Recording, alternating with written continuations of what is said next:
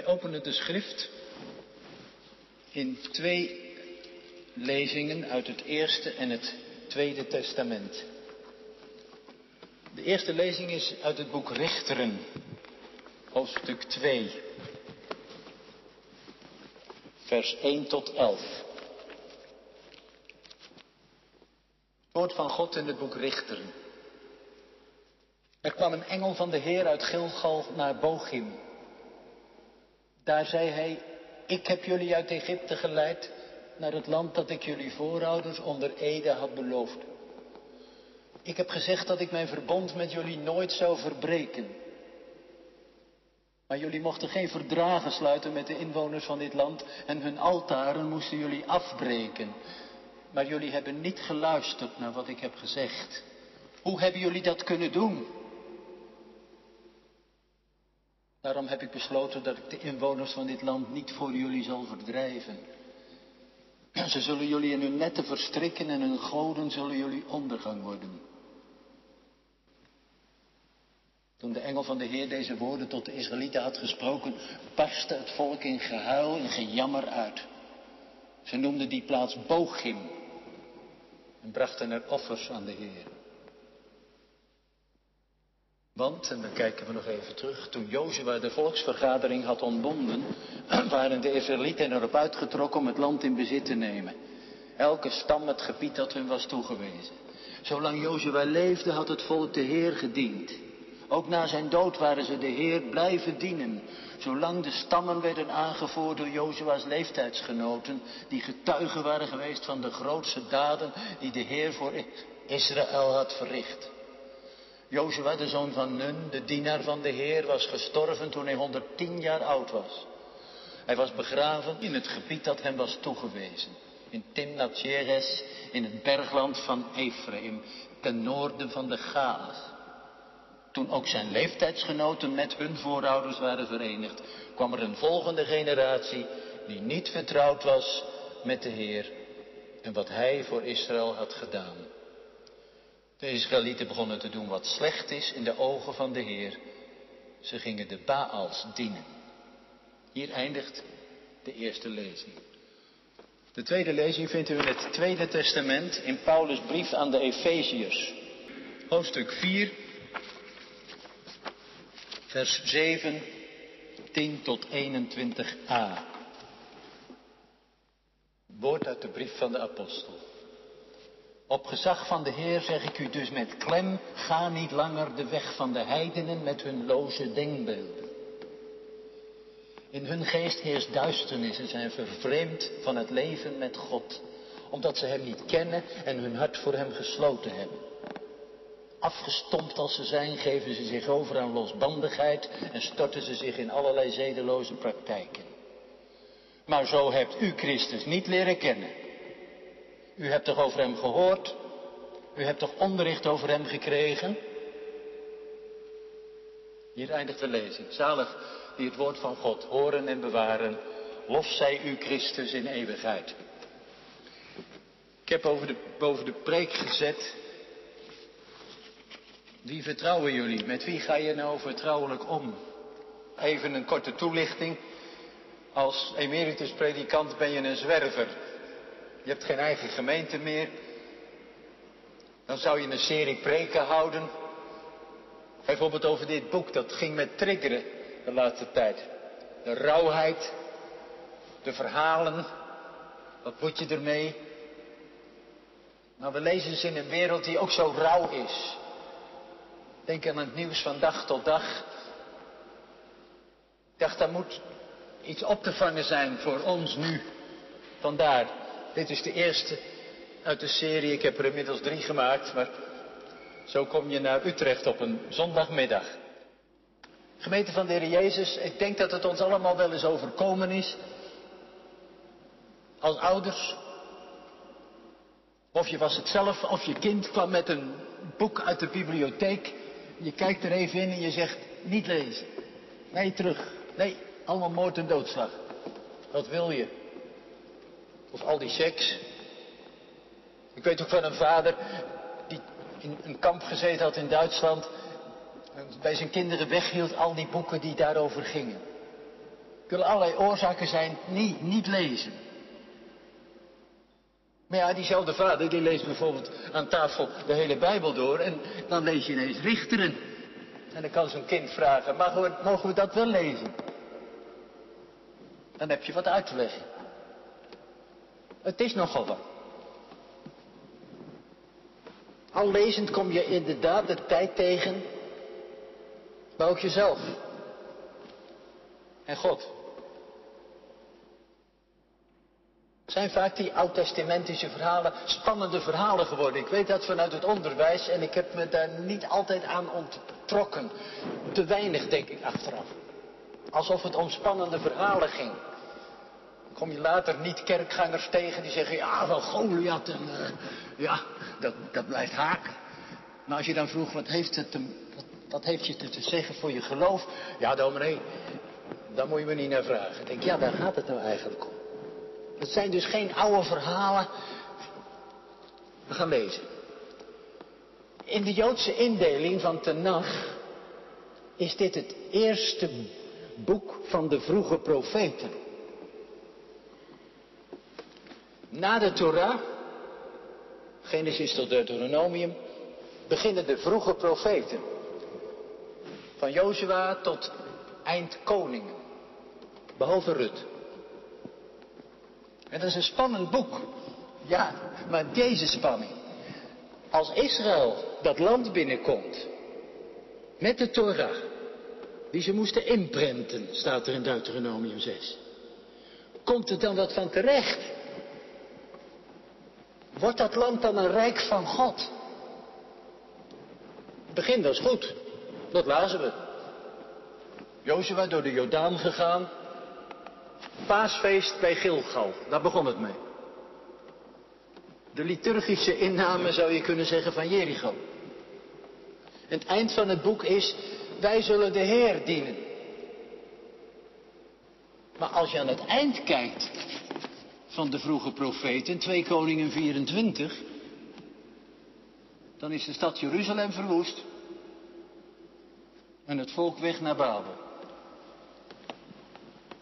Het is mislukt. Geen rijk van God. Oh. Ik moest denken aan dat land wat ooit in Afrika een voordeel, voorbeeldland genoemd werd. Zimbabwe, het vroegere Rhodesië. Onder leiding van ene Mugabe werd het een voorbeeldland voor heel Afrika. Zo zou het moeten gaan, maar het is mislukt. Zoals het zo vaak mislukt door een oppermachtige leider die dictator wordt. En toen de mislukking zich kennelijk aankondigde op enige tijd is dit boekje ontstaan. Het was nodig ook. Je leest hierin geen vaderlandse geschiedenis. Wie zich om feiten en jaartallen bekommert en de juiste plaatsen, die moet richteren niet lezen. Er is verzameld wat men nog wist van die tijd. Geschreven, mondeling, soms bewaard in vreemde volksverhalen, waar je af en toe flink in de lach schiet in dit boek.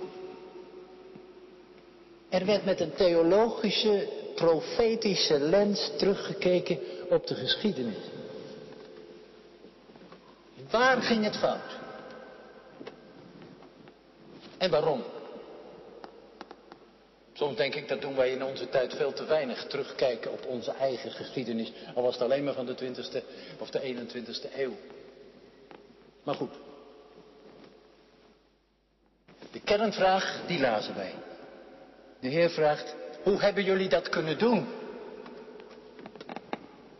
Wat is er aan de hand dat je bevrijd bent uit Egypte, paasfeest gevierd? Denk aan de psalm die we zongen. Dat je woont in het land dat ik je vader heb beloofd. Dat je met mij in een verbond bent. Dat je mijn woorden meekrijgt als een lamp en een licht. En dat het zo toegaat. En die vraag vangen wij nu op. Gemeente van Christus. Komen pittige vragen aan de orde. Die zijn niet altijd leuk. Maar wel nodig. Toch? Als ik denk af en toe wat je in het nieuws tegenkomt. Neem alleen de laatste tijd maar Hoe we omgaan met de aarde, met alle gevolgen van die. Hoe we omgaan met onze mogelijkheden, maar wat dat allemaal kost. Terwijl je kinderen. Voor de actie Save the Children kun je een kind voor 3 euro al een maand lang te eten geven. Vul de vragen maar aan. Waar zijn jullie mee bezig? Dat is een vraag aan de wereld, maar ja, de kerk leeft in de positie dat wij die vraag allereerst opvangen. Daarvoor zit ik zondags ook in de kerk. Na een eerste hoofdstuk, dan krijg je al een indruk van dat boek. Een wirwar aan verhalen. Vanmiddag het tweede. En daar staat in het korte thema van het hele boek. De engel des Heren lazen we. Personificatie van God zelf. In de vroeg-christelijke kerk al vulde men daar de naam van Jezus Christus in. De mens geworden God. Nam het volk mee van Gilgal naar Bokim. Gilgal, daar begint het in het nieuwe land. Paasfeest. Wenteloord betekent dat. God had het lot gewenteld. Wat vier je met elkaar? Naar Bokim.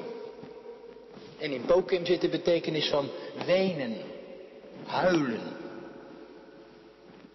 Nou, het hele boek zal het van nu af aan gaan, telkens weer van Gilgal naar huilen. En daarin klinkt de vraag, we lazen de vraag, de engel herinnert aan wat God bevrijd gedaan had. Ik heb jullie bevrijd, ik ben in een verbond met jullie gegaan. Ik heb jullie gevraagd geen verdrag met de Canaanieten te sluiten, hun altaren af te breken, je niet in te laten met de afgoden, geen compromis te sluiten. Maar je deden het niet. Waarom?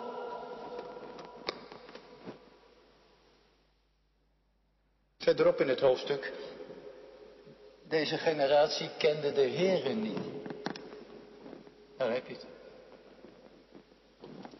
Kennen. Dat is met hem vertrouwd zijn.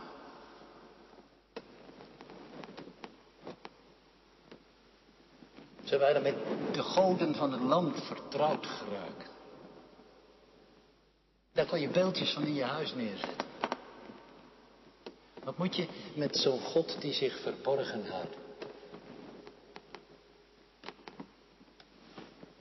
In eerste instantie dacht ik dat boekje staat op sommige punten heel ver van ons af. Maar het staat veel dichter bij ons dan we denken, denk ik. Heidendom is vlak om ons heen. En niet alleen buiten de deur. De moderne Baals en Astartes dringen zich op. Goden die je gelukkig maken met bezit en genot. Met een meeslepende, indringende liturgie van beeld en geluid. Je zult meedoen. De meest gekke momenten krijg ik het op, op mijn iPhone en op allerlei andere apparaten krijg ik de uitdagingen. Meedoen tegen de graaf. Kom, dit geeft een prachtig leven. Je ontkomt er niet aan. Om erin thuis te raken. Vertrouwd mee. En dan komt de vraag in hoeverre is de gemeente met Christus vertrouwd. Lukt het om afstand te houden van de goden rondom? Ga bij de weg, bij de lamp en het licht, waarvan we net zongen. Als paasgemeente. Die spanning trof ik ook aan in Paulus' brief aan de Efeziërs. De gemeente van Jezus Christus leefde daar als een kleine groep, omringd door een en al heidendom. Ik herinner me dat ik daar liep met een groep.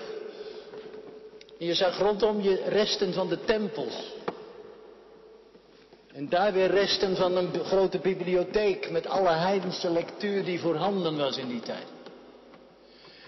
En op de straatstenen was met tekeningen aangegeven waar de zeelui de hoeren konden vinden. Daar leefde die gemeente. Daar liep Paulus met het evangelie van een gekruisigde God die hen door het doopwater meegenomen had om in Christus nieuw te leven. Wat we elke paasdag vieren. Maar Paulus ziet voor die gemeente een gevaar. U hebt toch Christus leren kennen? Je mag het ook heel kort vertalen, nog korter. U hebt toch Christus geleerd? Oh. Dat is kennelijk het typerende van de gemeente. Daar leren ze Christus. Ja, wat anders. Hij wil zeggen, als dat zo is, dan kan het niet zijn dat je leven beheerst wordt door het heidendom. En dat horen we als gemeente in deze tijd. In het heidendom van nu. Waarin verschrikkelijke dingen gebeuren. Waarin je op Netflix series ziet tot vermaak. Die naspelen wat je pas in het echt zag gebeuren. De moord op Peter R. de Vries. Aanbevolen. Ga ervoor zitten met je kinderen.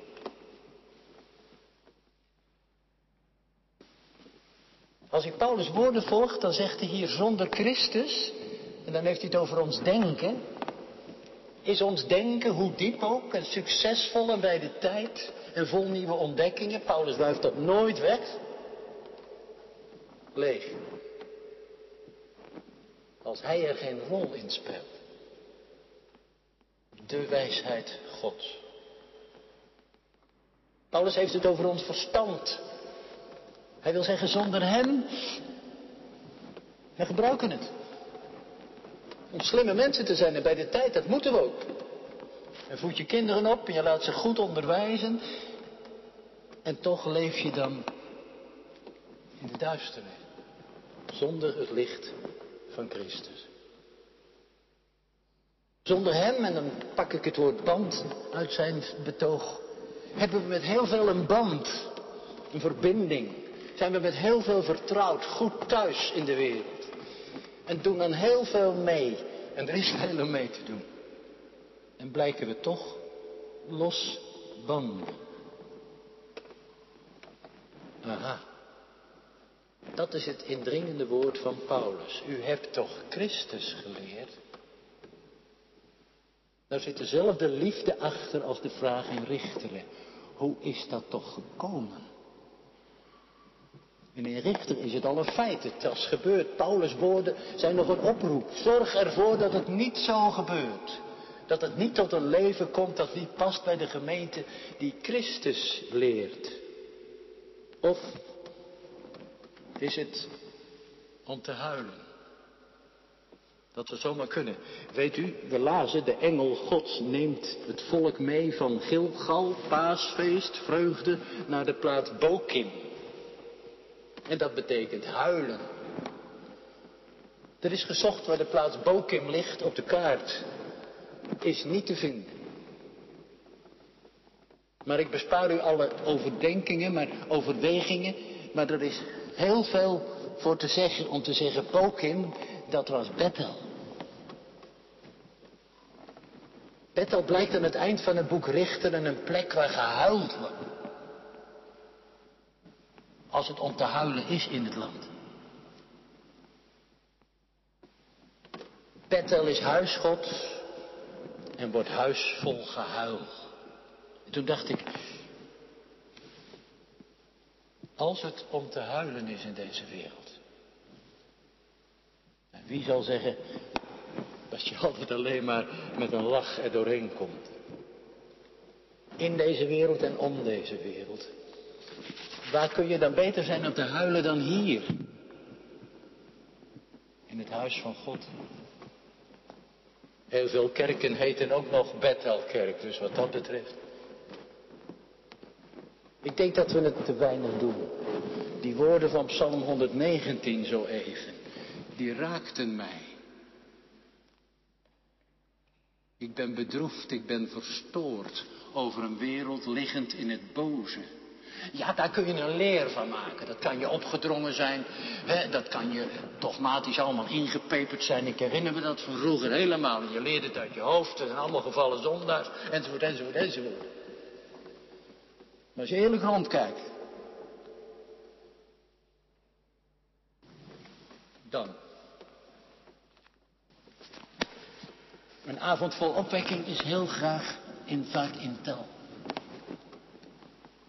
Maar een avond met klaagliederen. Samen is huilen. Dat is typerend voor de levende gemeente, dat schrijft Jeremia in klaagliederen. Hij zit tegenover de verwoeste stad, het is mislukt. En hij zegt in hoofdstuk 3 van klaagliederen, wat klaagt een levend mens? Ieder klagen vanwege zijn zonden. Dat is niet klagen dat we zo slecht zijn. En zondaars en arme zondaars en gevallen zondaars. Dan heb je je rechtzinnigheid tentoongespreid. En de ouderling die gaf een pluspunt bij het huisbezoek. Nou, dat is het lijden aan de pijn. Dat het verbond met God kapot gegaan is. Met onze schepper en bevrijder. Een collega schreef van de week ergens. Het gaat in deze wereld om de verbondenheid met God en met elkaar. En als die twee verbondenheden wegvallen. Oh.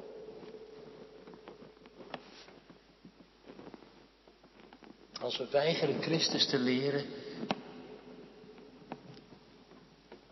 En we in ons leven iedere keer weer niet afkomen van het nalopen van afgoden en de boze en heel zijn rijk.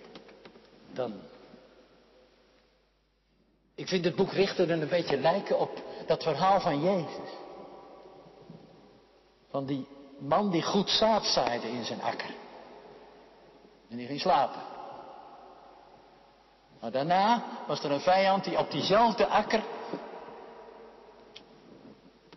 ander zaad, onkruid, zaaide. En ze kwamen er niet vanaf. Tot aan de laatste dag.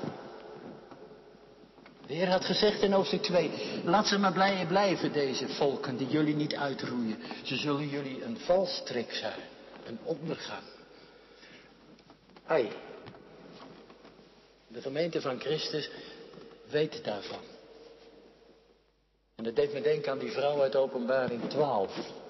Achtervolgd door de draak, wat voor macht dat ook mogen zijn in onze tijd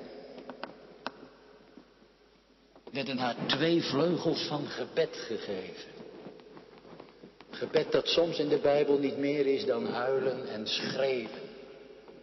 In Egypte klonk dat. Gedaan dat kwaad was in de ogen des Heren, dat is het refrein in Richteren. Daarom zijn we nooit gemeente zonder het gebed, iedere zondag opnieuw. Kyrie eleison. Wees met ons begaan. En toch. Die twee woorden vind ik soms de inhoud van de hele Bijbel. En toch. Als het refrein van het volk is, kwaad doen, overgeleverd raken in de hand van de vijand, schreven, soms lees je niks van berouw. Dan is er een rechter of richter als verlosser. God gedacht aan zijn verbond. Aan de bevrijding die het volk vergeten was. God denkt veel meer aan onze bevrijding dan wij zelf. Zing Psalm 105 nog eens. Dat viert de christelijke gemeente elke zondag. Hier binnengekomen. Pasen. Bevrijding en vergeving. Nieuw begin klinkt straks in het lied dat we zingen. Hij blijft in gesprek met pittige vragen. Opdat we voortdurend weten, je bent de Jordaan doorgegaan. Vrijgekocht voor mij. Om Christus te leren. Te leren kennen. Vertrouwd te raken met Hem. Dat is de gemeente. Wat doen ze daar in die Jacobikerk? Daar leren ze Christus. Wij moeten in deze wereld met heel veel vertrouwd zijn. Er worden telkens allerlei nieuwe oproepen gedaan om deel te nemen ergens aan. Het te leren doen en te kennen. Daar ben jij nog niet mee vertrouwd. Dat heb je dat nog niet geleerd. Ik zal je even wegwijs maken. En soms moet je wel meedoen. Ik had niks met DigiD, maar ik moest er wel vertrouwd mee worden. En zo zijn er wat dingen. Maar soms loop je ook in de val van wat leuk is, wat wel trekt. Maar welke val? En dan samen En daar hebben we elkaar voor nodig als gemeente. Paulus schrijft deze brief niet aan individuele gelovigen, ieder op zijn eigen postadres, maar aan een gemeente. Om dan samen als gemeente, in een wereld waarin ons het compromis wordt opgedrongen, waaraan je nooit kunt deelnemen zonder vuile handen te maken. Waar je ongemeen betrokken raakt bij heel veel wat niet goed is. Wat ik gekocht heb en dat heeft een achtergrond, dat is niet goed. Om daar niet elkaar een godsdienst aan te leren, maar Christus te leren. Trouw te raken met Hem.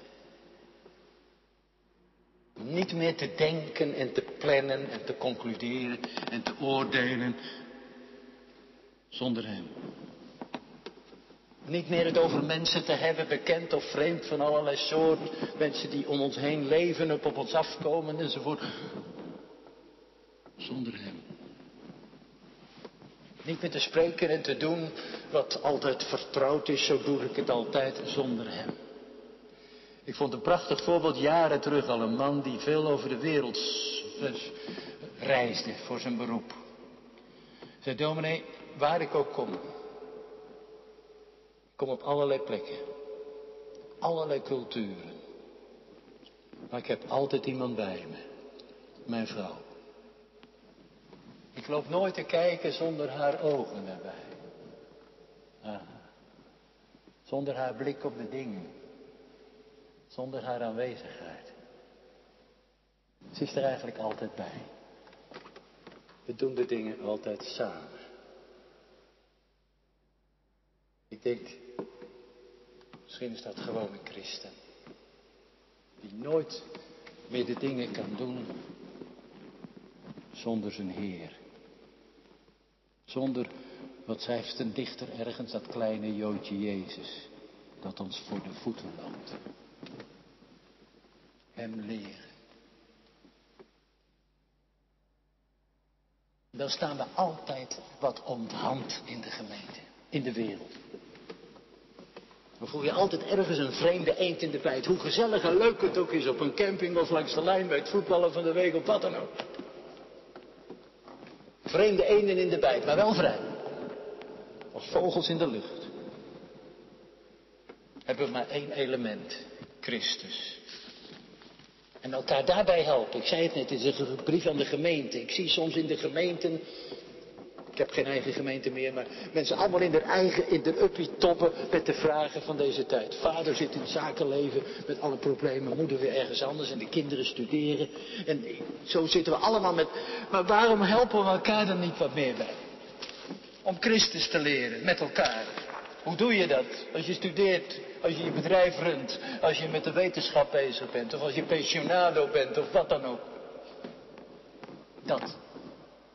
Er is een plek in Utrecht waar ze Christus leren. Dat mag de kerk van Christus zijn. Onder welke naam ook in deze stad. Straks gaan we diezelfde wereld weer in. Als een levende gemeente. Die iedere keer weer hier mag huilen om wat er gebeurt en wat gedaan is en waar je bij betrokken bent, waar je niet los van bent. Maar je zich iedere keer mag laten achterhalen door de stem van haar God. Die voortdurend heen en weer gaat tussen Gilgal, Pasen, Bokim, Huilen en terug naar Gilgal. Totdat. Ja, de gemeente weet van totdat. Amen.